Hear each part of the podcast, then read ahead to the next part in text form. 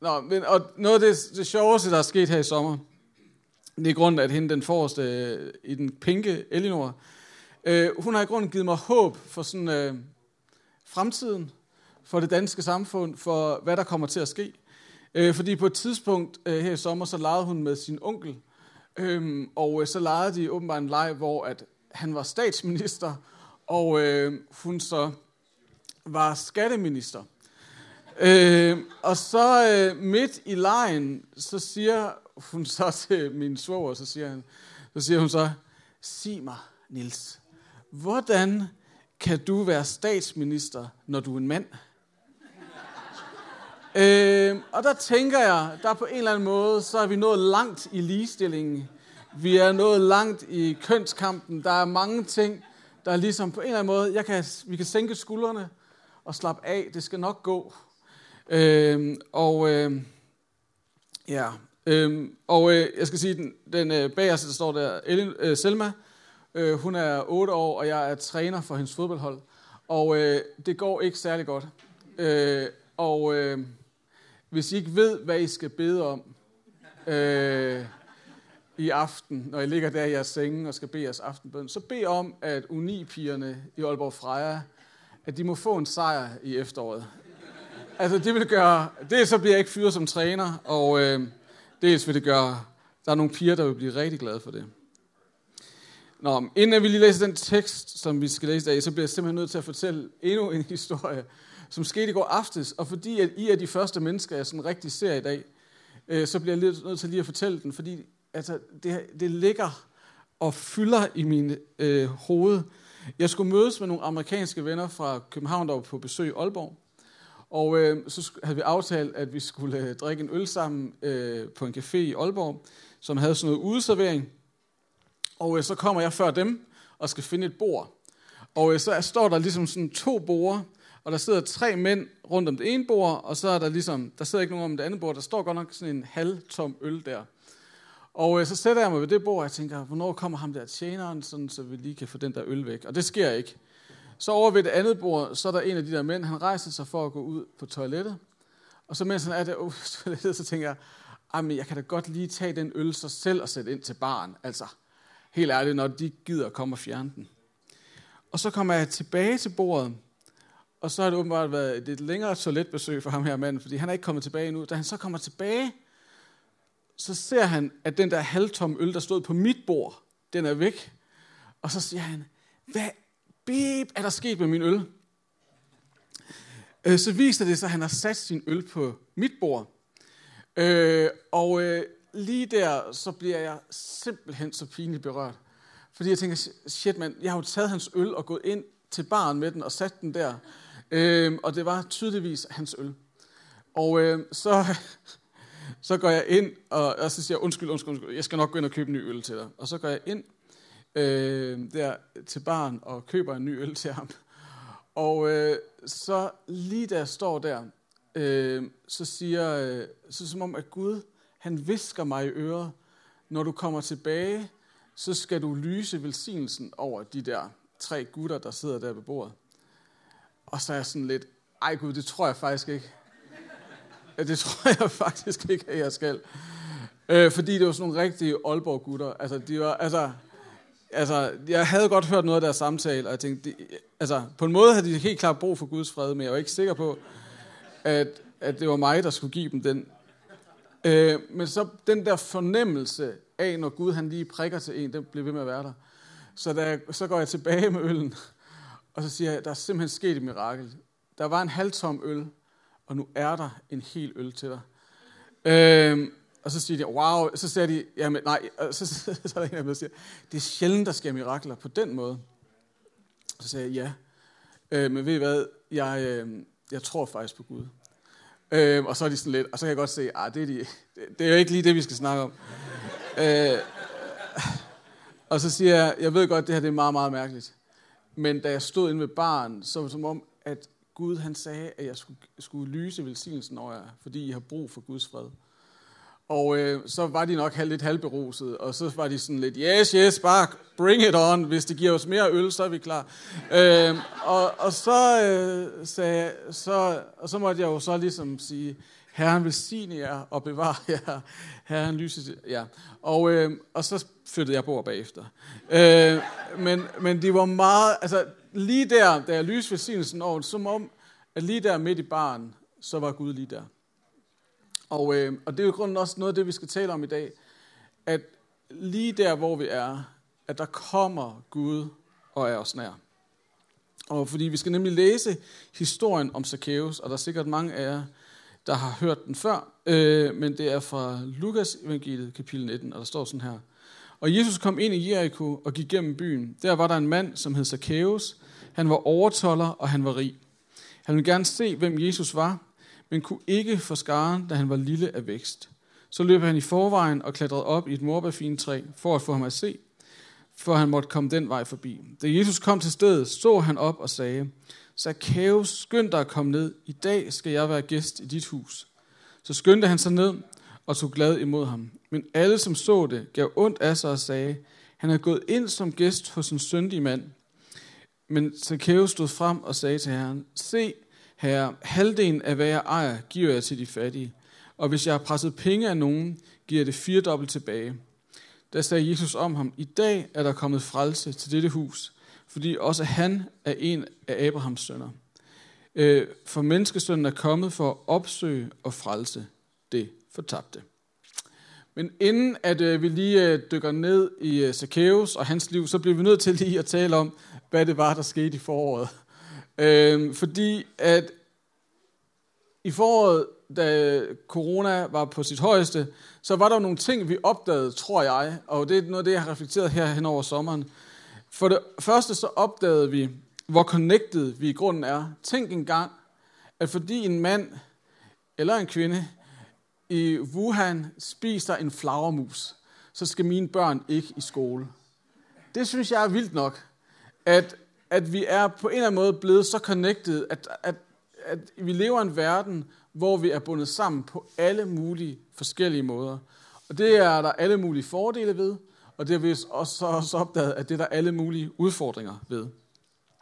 Så tror jeg noget andet, vi sådan opdagede i foråret, det er, at vi har godt nok haft kæmpe fart på. Altså alle os, der lever i sådan en vestlig kultur, som vi gør, vi har haft mega meget fart på. Og alting skulle gå mega stærkt, og så lige pludselig, så blev alting bremset op, og vi så, at lige pludselig kunne vi godt gøre noget ved klimaet. Lige pludselig så havde vi mere tid, og øh, der var ikke så mange, der gik ned med stress, og der, altså, du ved, der var alle mulige ting, der ligesom vi opdagede, at vi har godt nok haft meget fart på.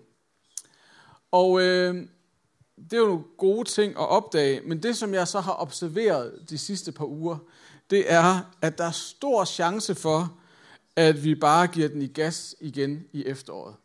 At det er som om, at der har været sådan en kollektiv besked til alle danskere, om, at nu gider vi faktisk ikke mere.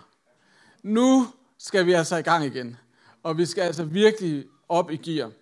Og, øh, og man kan jo se det sådan på, øh, sådan, øh, hvad skal man sige, krammesituationen i Danmark. Øh, at det er som om, nu gider vi faktisk ikke at give albu mere. Nu skal der ligesom krammes igennem. Og, øh, og i, i går var jeg til en fest, og øh, min kone hun arbejder i, i, sådan, på sygehuset, og øh, hun, har ligesom, hun har ligesom fået at vide, at hvis I skal til nogle sociale samlinger, så skal I ikke kramme. Og øh, hun var så den eneste, der ligesom gav albu. Øh, og man kunne ligesom se sådan kollektivet til festen, at det var bare ikke i, altså, det var ligesom ikke i orden. Øh, men, og jeg tror, det er det der med, at vi er ligesom, altså det er også træls med det der coronavirus, det er det virkelig. Og vi vil ligesom bare gerne i gang igen, og vi vil gerne tilbage til normale tilstanden. Og det vil jeg også gerne, og det forstår jeg godt. Men vi bliver nødt til lige at snakke om, hvad er det for et liv, som vi har levet før corona? Hvad er det for et liv, vi i grunden bevæger os ind i igen? Og øh, det vil jeg lige gøre ved at fortælle nogle meget små, korte historier, og så give et lidt mere sådan større, hvad skal man sige, øh, samfundsperspektiv. Fordi at livet før corona, det var virkelig, hvad skal man sige, mange af os, vi havde virkelig, virkelig stor fart på. Og øh, jeg har en god ven i København, øh, som hedder Mark, og øh, han, øh, for nogle år siden, så var han rigtig, rigtig dygtig i en øh, virksomhed og blev hentet til en anden virksomhed, fordi nu skulle han virkelig bare levere resultater. Og øh, han er meget, meget dygtig. Og øh, han var fuld, fuld on og helt klar til den her nye opgave, som han skulle. Og øh, det, den virksomhed, som han blev ansat i, var, øh, det var nogle amerikanske, hvad skal man sige, fonde, der ligesom havde, der, der, der ejede dem. Så de havde ligesom givet nogle mål for, hvad han skulle nå, ham og hans team, hvad, han, hvad de skulle nå, og han skulle lede det her team, øh, hvad de skulle nå i det første kvartal af det, det år, han var blevet ansat i. Og, øh, og, og faktisk så arbejdede de så godt i teamet, at de nåede det. Og jeg kan huske, at jeg var ude og, og drikke en øh, uh, sejrs et eller andet med ham, fordi han sagde, wow, nu har jeg været her i, det, i et kvartal, og vi har nået vores mål. Og øh, det, der så skete, det var, at sådan, den øverste ledelse så på, hvor godt teamet klarede sig, og så sagde de, når de kan nå det der, så kan de også nå lidt mere i næste kvartal. Og faktisk i det næste kvartal, så havde, var Mark også øh, blevet endnu mere kendt med sit team. Øh, så han, han gav den endnu mere gas, og de nåede målet og leverede en dag lidt mere. Og øh, så den her amerikanske ledelse tænkte, yes, så skruer vi da bare endnu mere op for målet. Og, øh, og det, det, det gentog sig dybest set seks gange i løbet af halvandet år, og så kunne Mark ikke mere. Så en dag, så ringede han til mig, og øh, grædende, og sagde, jeg kan ikke åbne min computer. Jeg kan simpelthen ikke mere. Jeg har ikke mere at give af og jeg, jeg ryster, når jeg skal til at åbne min computer. Hvad skal jeg gøre? En anden historie er historien om Cecilie, som øh, jeg, jeg mødte øh, i, i Aalborg Vineyard. Har vi haft sådan noget, vi kalder Bøn og Bailey, meget inspireret Rønne Vineyard, hvor vi giver folk et gratis shot, og så beder vi for dem. Øh, og øh, og det, ja, det er et andet, det, det er en lang historie. Øh, men men Cecilie mødte jeg, hvor øh, hun, øh, hun kom hen, og øh, hun ville gerne bes for, og så fortalte hun mig sin historie, om hvordan at hun var gymnasieelev. Hun var, det her det var i efteråret, og hun var, var startet i 3.G, og blev nødt til øh, at droppe ud øh, af gymnasiet, fordi at hun dybest set synes hun hele tiden ikke performede godt nok. At hun hele tiden synes, havde den der fornemmelse af, at hun ikke var god nok, når hun mødte op i gymnasiet. Og hun sagde, at det var på alle mulige fronter. At det var udseende, det var i forhold til venskaber, det var i forhold til øh, det faglige. Hun havde bare den der fornemmelse af, at hun ikke var god nok. Øhm, og så er der min egen lille historie, øhm, som, øhm, som, som dybest set bare handler om noget, der er sket her i, øh, i foråret, hvor at jeg kan sådan set godt lide at have kontrol, og jeg tror noget af det, som vi alle sammen er opdraget til i vores kultur, det er at have kontrol over tingene. Og vi, vi er faktisk lidt bange for at miste kontrollen. Og øh, lige her i foråret, øh, så, så mistede jeg kontrollen over sådan min, hvad skal man sige, min indtægt for efteråret. Øh, fordi at øh, der var nogle penge, som ikke kom ind, og øh, det betyder, at jeg skal ud og have et eller andet deltidsjob. Men min fornemmelse af at miste kontrollen gjorde, at jeg havde nogle uger, hvor at jeg virkelig var dybt bekymret, og ligesom havde den der fornemmelse af ikke at kunne finde ro. Jeg havde sådan en dyb uro i mig, fordi jeg simpelthen ikke havde, jeg havde ikke kontrol over situationen. Det har jeg stadigvæk ikke. Men men, men, men den der fornemmelse af, at det, der så skete for mig, det var, at øh, jeg havde nogle lange snakke med min kone og med Gud, om hvad vil det faktisk sige at stole på og have tillid til, at Gud er i kontrol.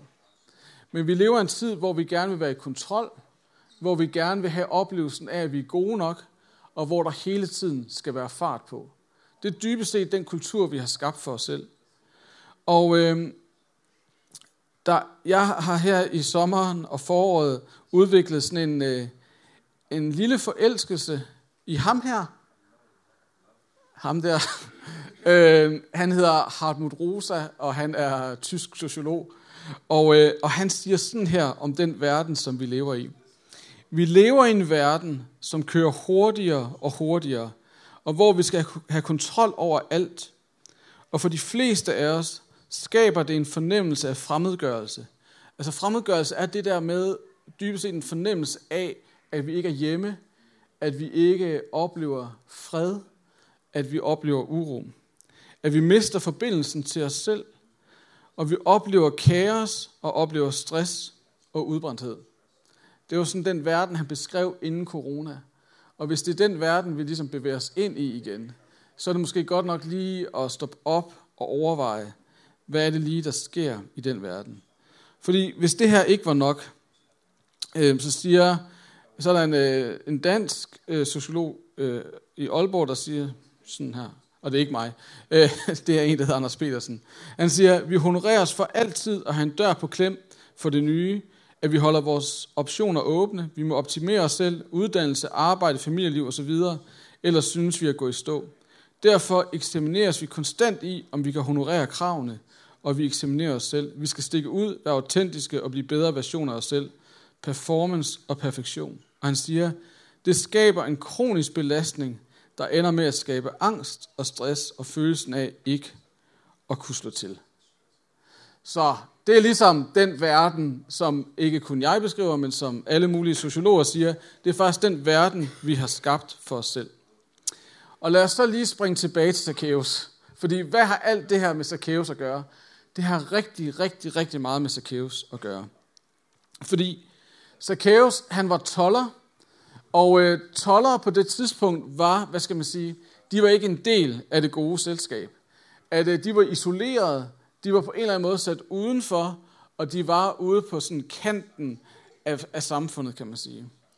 Så man kan sige, og det som man gjorde, det var fordi, at tollerne, de ofte ligesom, det var noget skat, de skulle kræve op, og øh, så tog de som regel lidt mere, og så beholdt de nogle af pengene selv. Øh, så derfor så blev tollerne jo også meget bedømt på deres performance, eller på deres præstation. Og man kan sige, resten af israelitterne, jøderne, var ikke særlig imponeret over den måde, som Zacchaeus præsterede på. Og man kan sige, Zacchaeus, som alle andre, fordi vi længes efter fællesskab, så vil han også gerne passe ind. Han vil gerne være en del af fællesskabet. Og jeg tror på mange måder, at hvis Zacchaeus har kendt til begrebet fremmedgjorthed, så tror jeg, at han ville have skrevet under på, at han var fremmedgjort over for det samfund, han levede i. Han var nok også fremmedgjort over for sig selv, fordi han var på en eller anden måde blevet fanget i et system, hvor han hele tiden skulle præstere, hvor han hele tiden skulle gøre mere, hvor der hele tiden på en eller anden måde var en forventning om, at der var mere, der skulle gøres. Og øh, på den måde, så tror jeg meget, at den kultur, den verden, som Zacchaeus befandt sig i, var nok ikke så anderledes for den verden, som vi befinder os i. At vi kender godt til det der med at præstere. Vi kender godt til det der med at skulle gøre mere. Vi kender godt til det der med at ikke have en fornemmelse af, at vi altid er hjemme, at vi altid oplever ro, at vi også oplever os fremmedgjort. At vi kan godt mærke den der fornemmelse og følelse. Og så sker der noget, da Jesus kommer forbi. Der sker noget, da Jesus han kommer forbi det træ, som Zacchaeus han sidder i. Og man kan sige, hvis man sådan skal sætte det op på punktform, så bliver Zacchaeus, han bliver set. At lige pludselig, så bliver han set for, hvem han er. Og Jesus, han siger, Zacchaeus. Så han bliver også genkendt. Og der er et kald til Zacchaeus. Der er et kald til, at jeg vil gerne komme og spise middag hos dig. Og så er der et svar fra Zacchaeus. Han kommer ned ad træet og inviterer Jesus med hjem. Og så sker der noget, da Jesus han sidder der og spiser med Zacchaeus. Der sker en forvandling af Zacchaeus, og der opstår noget ukontrollerbart, kan man sige. På en eller anden måde, så sker der noget i det møde, som ingen kunne have kontrolleret, men alting forandrer sig. Og det er det, som Rosa, altså Hartmut Rosa, kalder resonans. Og det er et helt vildt interessant begreb, tror jeg, for os alle sammen. I hvert fald, jeg synes, det er meget interessant. Øhm, og derfor er det nok også interessant for jer. Øhm, men resonans, sådan som Rosa han beskriver resonans, så handler det om netop at opleve at blive hørt. Det er at høre et kald. Det er at give gensvar. Det er at blive forvandlet. Og han siger også på et tidspunkt, det at opleve resonans i sit liv er at blive bevæget. Og man kan sige, at i en verden, hvor alting skal gå stærkere, i en verden, hvor det skal gå hurtigere, i en verden, hvor vi skal præstere, i en verden, hvor at, hvad skal man sige, vi hele tiden er på vej et nyt sted hen, og hvor det handler om vores præstationer, så er det faktisk meget vanskeligt at blive bevæget. Fordi det at blive bevæget, det at blive forvandlet, handler faktisk om, at vi tør stoppe op og høre, at der er nogen, der kalder på os. Det der med at ture og stoppe op og mærke, at her er der et kald. Her er der en, der ser mig. Her er der en, der kalder mig ved navn. Det er faktisk meget svært at opdage i en kultur og en verden, hvor det hele bare skal gå hurtigere, og vi skal være smartere, og vi skal have flere likes. Så resonans, bare, det er jo bare fordi han ikke er kristen, men resonans er det, der sker, når Gud dukker op, og vi ikke helt kan kontrollere det. At når Gud dukker op i dit og mit liv, så opstår der resonans. Så oplever vi, at det, der har måske skabt uro, det, der på en eller anden måde har, hvad skal man sige, gjort, at vi har svært ved at føle, at vi var gode nok, det, der på en eller anden måde hele tiden presser sig på, det på en eller anden måde får lov til at trække sig tilbage, og så kommer Gud og bevæger os. Gud han kommer og forvandler os. At når Jesus dukker op i vores liv, så er det der, hvor der er mulighed for resonans, og hvor vi oplever, at vi kan finde hjem. Så det, Jesus han gør med Zacchaeus, det er, han skaber det, som Rosa vil kalde et resonant rum. Som kristne vil vi kalde det et rum, hvor Guds nærvær er. Og jeg tror, at Rosa han har set helt rigtigt, der er brug for et resonant rum. Han siger bare, at det, han, han, siger, han siger faktisk, at man kan ikke helt, man kan ikke helt sådan, altså han kan se, det er det, vi har brug for, men han ved ikke helt, hvordan det bliver skabt. Han kan bare se, at nogle gange så opstår der resonans. Og jeg vil sige, at hvis jeg nu sad med Rosa, så vil jeg sige, det er Guds nærvær. Det er Guds nærvær, der skaber resonans. At svaret er, at hvis du føler dig fremmedgjort, hvis du føler, at du ikke helt er hjemme, hvis du mærker uro, hvis du synes, der hele tiden er fart på, hvis du ikke ved, om du er god nok, hvis du mærker angst og stress og alle de der ting der. Rosas svar er resonans. Mit svar er Guds nærvær, og at Jesus han dukker op og kalder dig ved navn og siger, jeg vil komme og spise middag hos dig i dag. De gamle kirkefædre talte om, at vores sjæl, de sammenlignede vores sjæl med et hus. Og på mange måder, så er det jo det, der sker, at Jesus han kommer og siger, jeg vil gerne træde ind i dit hus. Jeg vil gerne træde ind i din sjæl, ind i dit inderste. Og så vil jeg sidde der og have middag med dig, og spise med dig, og, blive, og kalde på dig, så du oplever at blive bevæget, så du oplever at blive berørt, så du oplever, at du bliver forvandlet.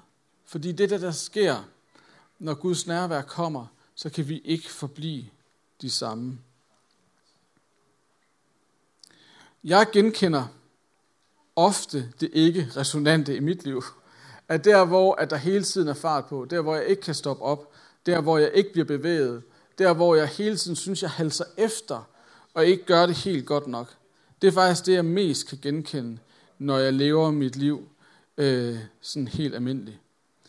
Men det, som Jesus han kalder os til, det er, at, at, at han ønsker, at sammen med dig, sammen med mig, så ønsker han at skabe et resonant rum, eller han ønsker at skabe et, nær, et rum fyldt med Guds nærvær, hvor du hører dit navn blive sagt, hvor du oplever, at der er et kald til dig, hvor du oplever at blive bevæget, og hvor du ikke kan træde ud af det rum, uden at der er sket en forvandling og en forandring af dig. Og jeg tror dybest set, at hver dag er en mulighed for at træde ind i det rum. Og jeg tror sådan set også i dag, så har vi mulighed for sammen som fællesskab at træde ind i det rum, hvor vi kan blive bevæget, hvor vi kan blive berørt, og hvor Guds nærvær får, får lov til at forandre og forvandle os. Og, øh, og det er grund det, jeg tænker, at, øh, at vi skal gøre lige om lidt. Men for at samle det op, så kan man sige, at Jesus han er kommet i dag, fordi han ser dig, og han kalder på dig. Og det, der selvfølgelig er udfordringen til os, det er, vil vi give et gensvar, vil vi give svar på det, han kalder til. Zacchaeus, han kravlede ned ad træet og tog Jesus med hjem. Det var hans gensvar. Vil du give svar på det kald, på, på det kald, som Gud han har til dig i dag? Og hvis du giver gensvar, så vil han skabe forandring i dig, men du kan ikke kontrollere det. Det er det, der er det helt vilde, som er det meget sådan modintuitive. Vi vil gerne kontrollere alt i vores verden. Men for at Gud skal kunne skabe det her rum, så skal du give slip på kontrollen. Fordi vi kan ikke kontrollere Gud. Fordi hvis vi prøver at kontrollere Gud, så bliver Gud bare til min Gud, i stedet for hele verdens Gud. Så vi har brug for at prøve at se, tør jeg slippe kontrollen, og så lade Gud træde ind i mit hus, og lade mig blive bevæget af det, som han vil gøre. Så jeg tænkte, at måske skulle vi bare træde ind i det rum sammen og bede Guds nærvær, Guds ånd om at komme og være her og kalde på os hver især. Øhm, og, øhm, og jeg tænker, at vi måske, hvis I har lyst, kunne rejse os, os op og så bede sammen. Og hvis man ikke føler sig tryg ved det, så er det også helt ok, at øh, man bliver siddende. Og så lad os øh, prøve at være stille sammen. Lad os prøve at stoppe op sammen, så vi kan høre, hvordan at Gud han kalder. Og sådan så vi måske kan høre, hvad han har at sige. Sådan så vi kan blive bevæget øh, ja, og erfare, at han gør noget ved os. Så lige om lidt, så øh, beder jeg bare en kort bøn, og så er vi stille sammen. Og så hvis du også længes efter det her rum, hvor du bliver bevæget, og hvor der bliver kaldt på dig, og hvor du kan finde hjem, så kan du bare række dine hænder ud, øh, mens jeg beder, og så, øh, og så venter vi lidt og ser, hvad Gud han vil gøre. Vi kan ikke kontrollere, hvad Gud han vil gøre, men vi kan, vi kan i hvert fald invitere ham til at være her. Så Helligånd, tak fordi du kommer nu. Tak Gud, fordi du kommer med dit nærvær. Og tak fordi, at vi må opleve et resonant rum, hvor vi bliver kaldt på. Vi hører, hvordan at du kalder os ved navn. Du kender vores navn. Og tak fordi, at vi må give gensvar. Tak fordi vi må sige til dig, at her er jeg. Og tak fordi, at vi nu må invitere din ånd og dit nærvær til at være her og bevæge os. Du ser, hvad det er, vi kommer med i dag. Du ser, hvad det er, der er vores uro. Du ser, hvad det er, vi gerne vil kontrollere. Du ser, hvad det er, der er vores sorg. Du ser, hvad det er, der er vores smerte. Du ser, hvad det er, der gør, at vi ikke kan finde hjem. Men tak fordi, at når vi ikke kan finde hjem, så træder du ind i vores hjem. Så træder du ind i vores sjæl, ind i vores inderste, og så sidder du der og spiser sammen med os, ligesom du gjorde med Zacchaeus. Og tak fordi, at vi lige nu må få lov til at opleve, at du sidder der sammen med os. Spiser sammen med os. Og tak fordi vi lige nu må få lov til at opleve og erfare i vores hjerte, i vores sjæl, i vores ånd, hvordan at det forvandler os at du er lige her. Hmm. Så kom Helligånd. Lad os bare være lidt stille sammen nu.